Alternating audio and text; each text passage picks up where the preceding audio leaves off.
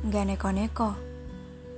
Podcast ini berisi segala hal yang sedang berputar di kepala, yang sedang berlari-lari begitu saja, tanpa ada aturan, tanpa keharusan.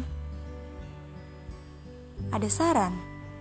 Lain kali cerita apa lagi ya?